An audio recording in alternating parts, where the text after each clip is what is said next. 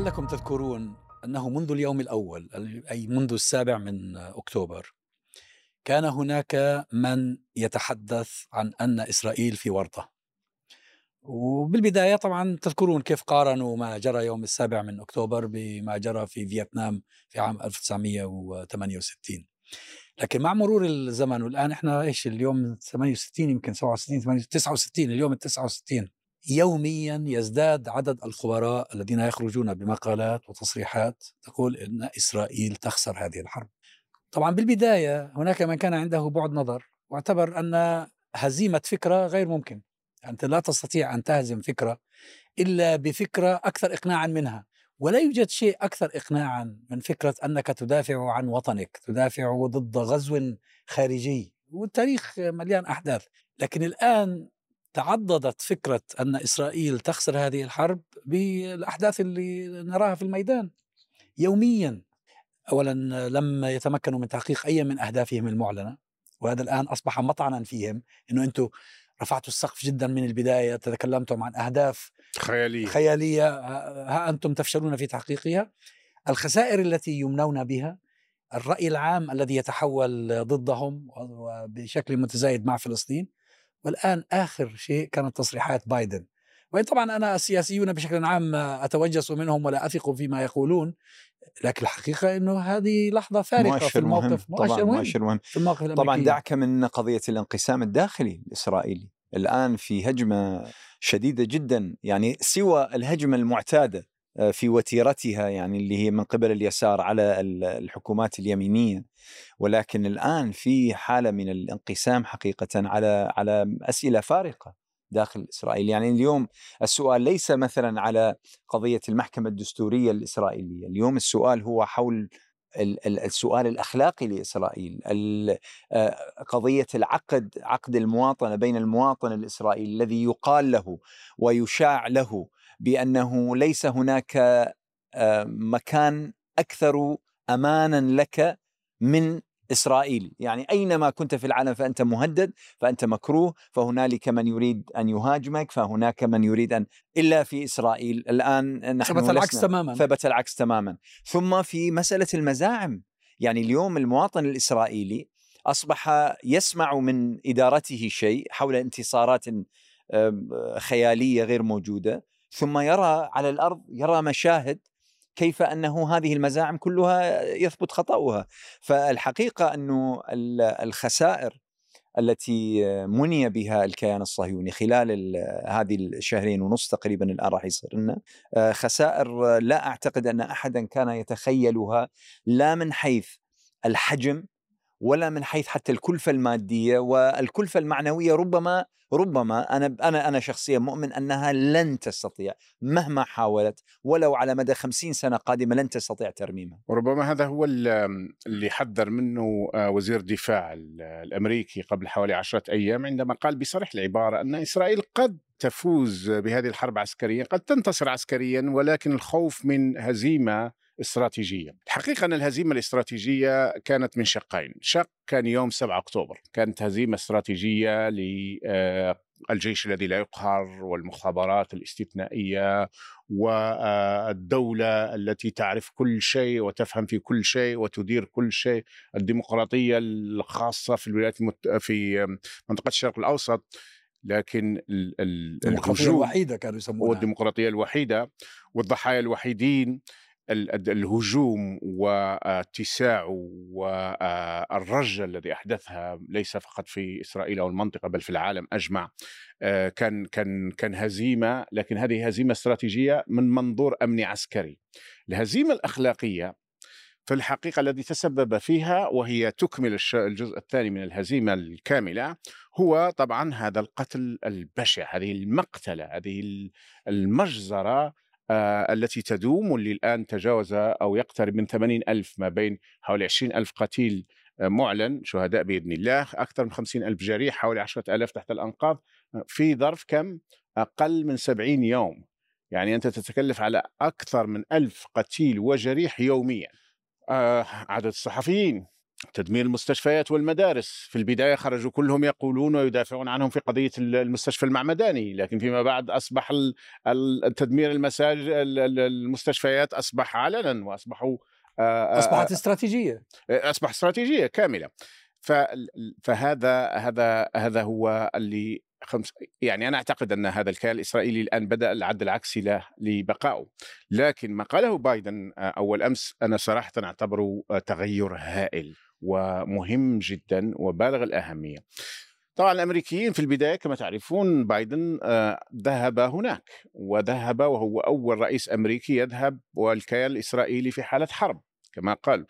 وتبنى كل الأكاذيب البروباغندا نتاع الرضع والاغتصابات والقتل وال... لكن فيما بعد عندما يخرج أول أمس في البداية في لقاء سري أو في لقاء محدود ثم في لقاء معلن ويقول بأنه على نتنياهو أن يغير حكومته وأن هذا الطريق لن يؤدي إلى نتيجة وأنه يخشى من رد الفعل أن إسرائيل فقدت. في البداية قال بدأت تفقد والآن يقولون تف فقدت الرأي, الرأي العام الخارجي. كل هذا تغير كبير وكبير جدا. إرسال سوليفان اللي راهو يجتمع معهم في هذه ربما في في في اليوم يكون اجتمع معهم واضح أنه رسالة بمجموعه من النقاط بما فيها أنه يجب أن يضعوا حد زمني وأن يقللون بشكل كبير جدا من القتل الرهيب وإدخال المساعدات إلى آخره. نعم أنا عندي تحليل لماذا يبدو أن الولايات المتحدة غيرت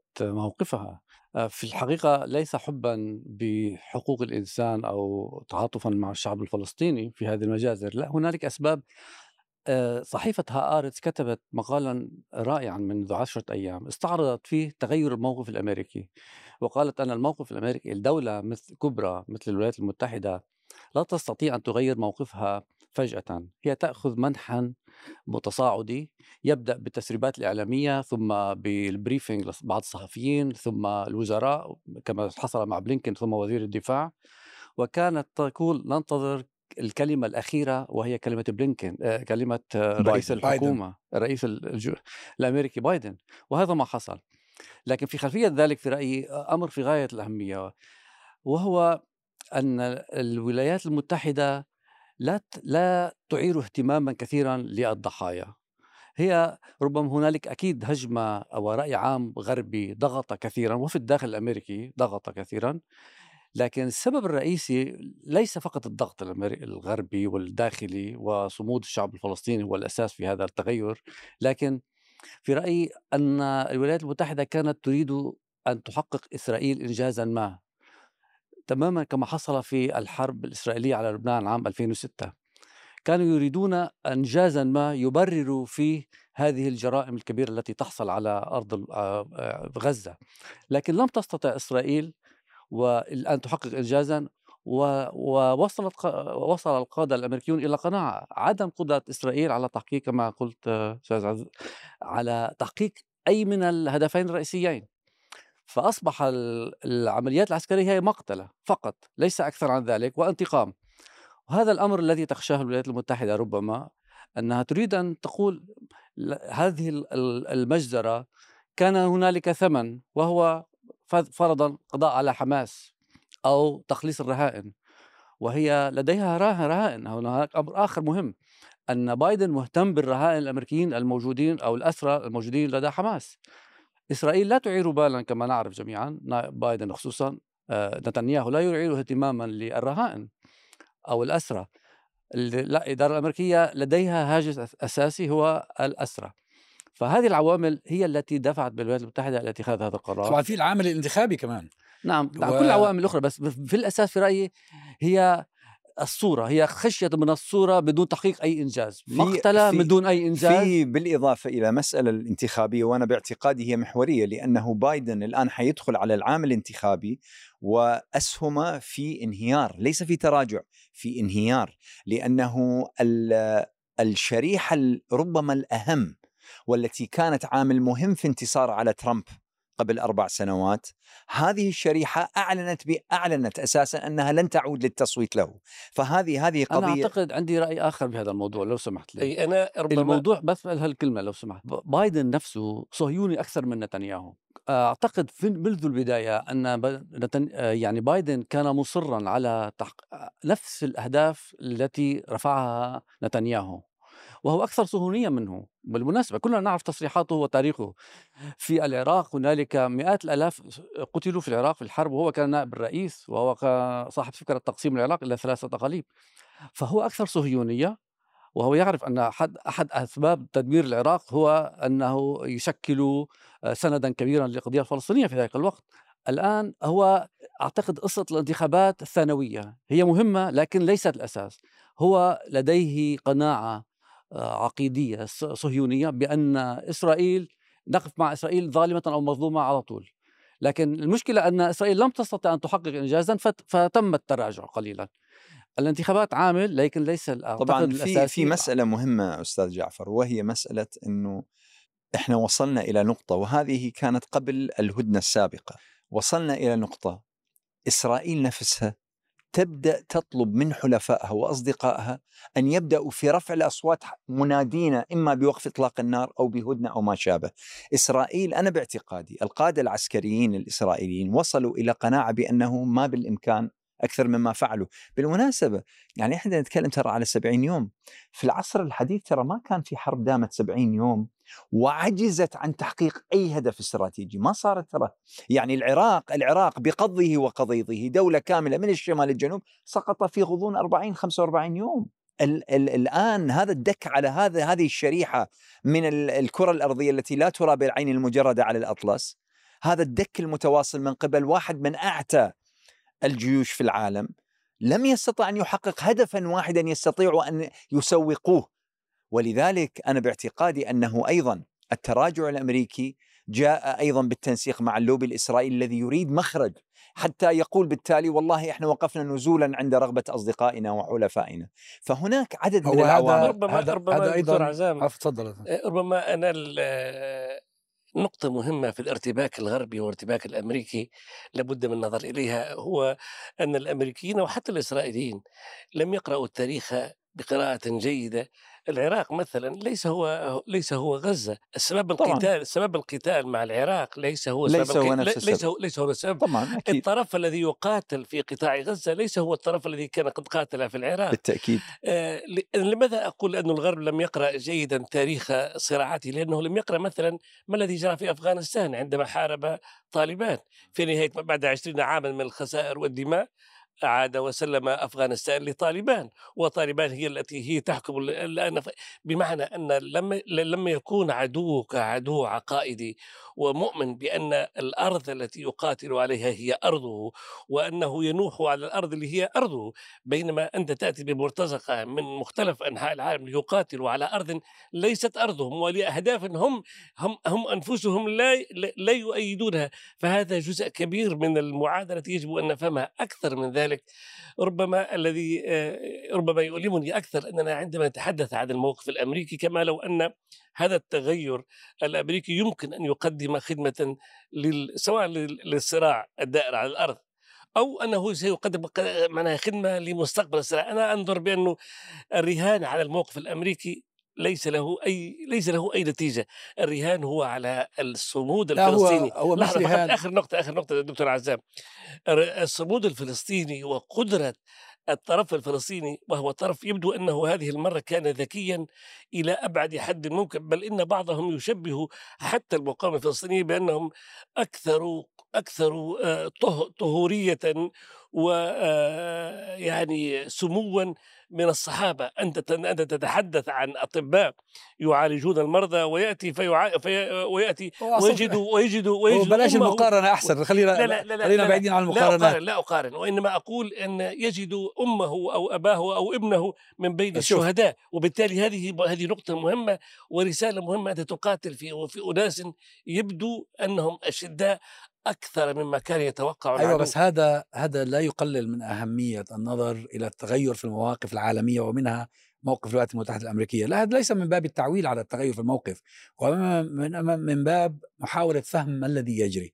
أنا أظن مجمل الكلام اللي تفضل به برضه الأخ جعفر وتفضلتم به أنتم إن آه، بايدن ومن معه يتحركون انطلاقا من خشيتهم على المشروع الصهيوني في خشية حقيقية يعني هو حتى قال قال إنه في في في خوف على اليهود ربط ذلك بالخوف على اليهود.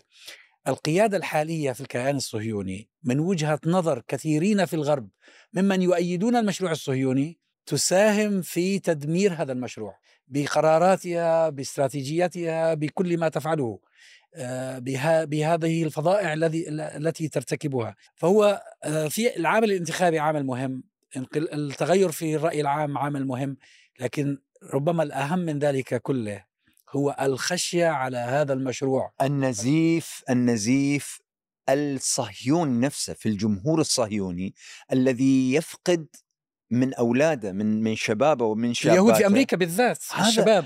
ومن الصهاينة من أبناء من يؤمنون بالفكر الصهيوني. أصبحوا الآن ينعتون إسرائيل بالدولة دولة الفصل العنصري الابارتايد ويصفون ما يجري بأنه جرائم حرب فإيقاف هذا النزيف أمر استراتيجي مهم كما يرونه. ولذلك ذكر هو وعاد وقال لو لم تكن إسرائيل موجودة لأوجدناها. واخترعناها حتى هو بضل يكرر هاي العبارة. بيضل يكرر فيها حتى يقول لهم أنتم تعرفون. وأنتم تعرفون أن كثير من المظاهرات في الولايات المتحدة قادها يهود. آخرها نساء يعلقن بال في الأصفاد على صحيح. حائط بالضبط. بالضبط. البيت الأبيض صحيح.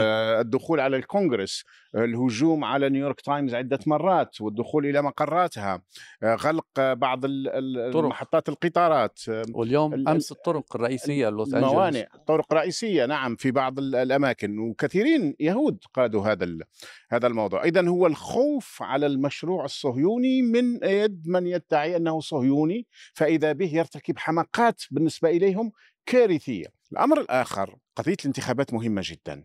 مش فقط الانتخابات أضاف بايدن بعد ما قال أن آه، إسرائيل تفقد الدعم العالمي ويخشى ذلك هو على ذلك. قال إن أمريكا يخشى أن تفقد أمريكا قوتها الأخلاقية وكأنه هو طبعا عايش في في, في بقيت لها في إيه لكن ما بقي له أساسا. ما بقي له من من مما يراه هو قوة أخلاقية. ثم هو يعرف أن الحزب الديمقراطي وهو الرافض الرئيسي له آه، منقسم وبشدة. وأن جزء رئيسي منه اللي هو اليسار اللي يسموه اليسار المتشدد أحيانا أو الشباب تحت ال 34 سنة يعارضونه. إنهم لا يختلفون معه إنهم يعارضونه وبشدة. هذا كله تعرف و... تعرف أخي طبعا العربي إضافة إلى تعرف أخي العربي الآن إحنا شوف إحنا طبعا نرى في بريطانيا وفي أوروبا كما نرى في أمريكا المشهد الآن بدأ جيل جديد بجيل الشباب الذين هم إلى حد الأربعين سنة. هذا الجيل بدأ يسأل أسئلة في غاية الأهمية لم تكن تخطر على بال يعني ما نسميهم العوام من الناس. اليوم يسألون إحنا كم نعطي لإسرائيل كل سنة؟ طيب هذه المبالغ ما كان المفروض أنها مثلا تحل مشكلتنا في القطاع الصحي؟ ما كان يعني اليوم مثلا كم مقطع أنا وصلني قبل أيام من عدد من المؤثرين أو أصحاب الحسابات يقولون إنه مشكلة الذين يبيتون في الشوارع يعني الهوملس هذه كان يمكن لها أن تحل بشطر من الأموال التي ندفعها نحن إلى إسرائيل. طيب مسألة أخرى مسألة أخرى. اليوم في مقطع منتشر لأمريكية بيضاء صاحبة عيون زرقاء من الشباب من يمكن عمرها ما يزيد عن 25 28 سنة. تقول أنا الذي أستغرب له أنا الذي أستغرب له أننا ندعم إسرائيل وإسرائيل إسرائيل توفر لمواطنيها الخدمات الصحية بالمجان يونيفرسال هيلث كير إحنا لو هذه الكلمة قيلت في أمريكا لنعتونا بالكفر. لهاجمونا هجوما كاسحا ولوصمونا بأننا نحن مارقون ونحن يعني لا نفقه شيئا ولا طيب ولذلك محرم علينا الخدمة الصحية بالمجان. بينما ندفع لإسرائيل والتي توفر لمواطنيها خدمة صحية بالمجان. الأمر الثاني إسرائيل تقوم بقتل الأطفال. أنتم وهي يبدو من اليسار تقول أنتم تمنعون الإجهاض بدعوى الحفاظ على الحياة، حياة الجنين، طيب هذه هذا هؤلاء أطفال كيف إذا تدعمون إسرائيل وهي تقتل الأطفال؟ فإذا أين أنتم حقيقة وأين هي؟ هذه الأسئلة ما هي أسئلة عادية بس تعرف انس هذه الأسئلة وهذا التغير يعني عودة إلى ما قاله عادل وأؤكد عليه أنه لولا هذا الصمود الأسطوري والتضحيات التي يقدمها أهل غزة يعني طبعا الوضع مؤلم جدا لأهل غزة يعني فوق التصور لا أحتاج لأن أقنع احدا منكم ولا احدا من الناس لأن كله على شاشات التلفزيون مكشوف لكن هذا الحقيقة هو الذي يحدث التغيير حول العالم. يغير مواقف السياسيين يغير مواقف الإعلاميين يغير مواقف عامة الناس يثقف الناس بحقيقة هذا المشروع الذي زرع في أرض فلسطين وكان الناس عنه غافلين. ما كان حد يفكر يعني إنه هذا المشروع ما هو زيه زي مشروع استيطاني استعماري إحلالي آخر صنعه الغرب في بلاد العالم وبدأ الآخر. يقال هذا الكلام. شوف خرجت امرأة كندية أنا فوجئت لما تفضلت به وقالته قالت أنها متألمة جدا لما يحدث في غزة وأنها تفكر وبدأت تفكر وتطرح الأسئلة لماذا لا يغادر هؤلاء آه، غزة؟ بعدين قالت طبعا هذه أرضهم لا لا يريدون مغادرتها ثم أين يذهبون؟ بعدين قالت أنها جاءتها فكرة أن إسرائيل ممكن أن تمول خاصة نرى بعض المسؤولين الإسرائيليين متحمسين لمغادرة أهل غزة فقالت أنها جاءتها الفكرة أنها ممكن أن إسرائيل تمول آه، رحيلهم. لكنها قالت ثم راجعت نفسي. قالت أنا أقول هذا الكلام من منظور استعماري لأنني أنا أقيم على أرض مسروقة, مسروقة. وهذه ليس نفس المنطق. هؤلاء هذه هذه- أرضهم. هذه من ضمن الأسئلة نفكر التي تطرح الآن. استعماري. هذا نقيم على أرض مسروقة في تمام، كندا تمام، لأشخاص تمام. آخرين. هذا انقلابات كاين هناك أشياء كبيرة جدا. امس شفت واحد إفريقي آه، مغني. يقول لهم لماذا لا نرد مثل ما ردت حماس؟ لماذا لا نرد على الإهانات والإذلال؟ وطبعا هنا دعوة إلى بالنسبة إليهم هم دعوة إلى العنف لكن بدأوا يطرحون. عندما يخرج بعض الهنود الحمر ويمشون في المظاهرات واحيانا في المقدمة و- وكانوا يتذكرون ما حدث لهم ويقول لك هؤلاء ينتقمون لنا من أولئك الذين استعمرونا وهجرونا نبهت العالم. إلى جرائم تاريخية. نبهت العالم الحقيقة ونبهت شعوب العالم. إلى أفكار استعمارية طغت وتمكنت من الناس. اليوم مثلا دعوات في حملة ضمن بعض الأوساط أنه يا جماعة الخير إحنا قادمين على أعياد الميلاد وإحنا كأسر وك يعني نصرف من الأموال ما عندنا وما ليس عندنا. يعني تحمل ديون حتى ن... لنقرر مع بعض بأنه لأجل فلسطين هذه عيد الميلاد القادم لا نصرف هذه لا نشتري شيئا. لا نتبادل ال- ال- الهدايا التي لا قيمة لها. لا شوف هذه المسائل هذه تشكل تحولات ما هي بسيطة ضمن المنظومة الثقافية والمنظومة الفكرية ربما والمنظومة الشعبية ال- ال- الغربية ال- ليست بسيطة. طبعا آه، يوم السبت الماضي في مظاهرة لندن وهي مظاهرة من المظاهرات الكبرى كان في هناك يهود يتقدمون في بعض المظاهرات ويرفعون شعارات محاخامات يهود بلباسهم اليهودي يرفعون شعارات ناطوري كارتا أي نعم ضد ضد ضد الغزو وضد الحرب ويطالب بوقف إطلاق النار ويطالبون بعودة ال- اللاجئين الفلسطينيين إلى ديارهم ويعتقدون بأن الحركة الصهيونية هي حركة استعمارية وهي حركة مشروع استعماري غربي. ربما هناك نقطتين مهمتين. النقطة الأولى هي لماذا الغرب يدفع كل هذه الأموال ويقف كل هذه المواقف وهو يعلم بأنها مواقف لا أخلاقية، مواقف غير قانونية، مواقف تناقض كل تاريخ الديمقراطيات الغربية والديمقراطيات الحديثة والقوانين الدولية وحقوق الإنسان، لماذا؟ ثم السؤال الثاني وهو سؤال مهم، لماذا اليهود العقلاء الآن بدأوا يدركون بأن إسرائيل ليست هي مشروعهم، ليست هي دولتهم، ليست هي كما يصور الإعلام الغربي دولة. النقطة الثالثة وهي الأهم وهي الآن أنه الرواية الصهيونية والرواية الإسرائيلية والرواية الغربية التي كانوا يروجون لها على أساس في البداية أن أن ما جرى يوم 7 أكتوبر كان هو عبارة عن نسخة جديدة من داعش داعش سنه المقاومة ثم بعد ذلك صفه الإرهاب ثم الآن أصبح الحديث عن ما بعد الحرب الآن وحول التسوية السياسية. هذه كلها أعتقد بأنها أسئلة مهمة ورأسها خوف الغرب الآن من يدفع ثمن أخطائه التي كان قد آه، ارتكبها أو جرائمه التي كان قد ارتكبها في حق اليهود. وعندما آه، طرد اليهود من أوروبا وذهب وزرع بهم دولة إسرائيل بغاية دينية لكن في الأساس هي غاية استعمارية. الآن السؤال ما هي مسؤولية الغرب فيما يتعرض له اليهود في العالم؟ ولماذا الصهاينة يستخدمون اليهود لإبادة الشعب الفلسطيني؟ طبعا هذه أسئلة مهمة. الغرب إنت الغرب ليس يعني أنت أنت أكيد تقصد السياسيين صناع طبعا القرار. أنا اقصد صناع آه، القرار. لأن عامة الناس في الغرب حتى حتى ربما بداية الأحداث الأخيرة كانوا في غفلة عن طبيعة هذا الصراع. كانوا في آه، غفلة عما يفعل السياسيون وما فعلوا من قبل.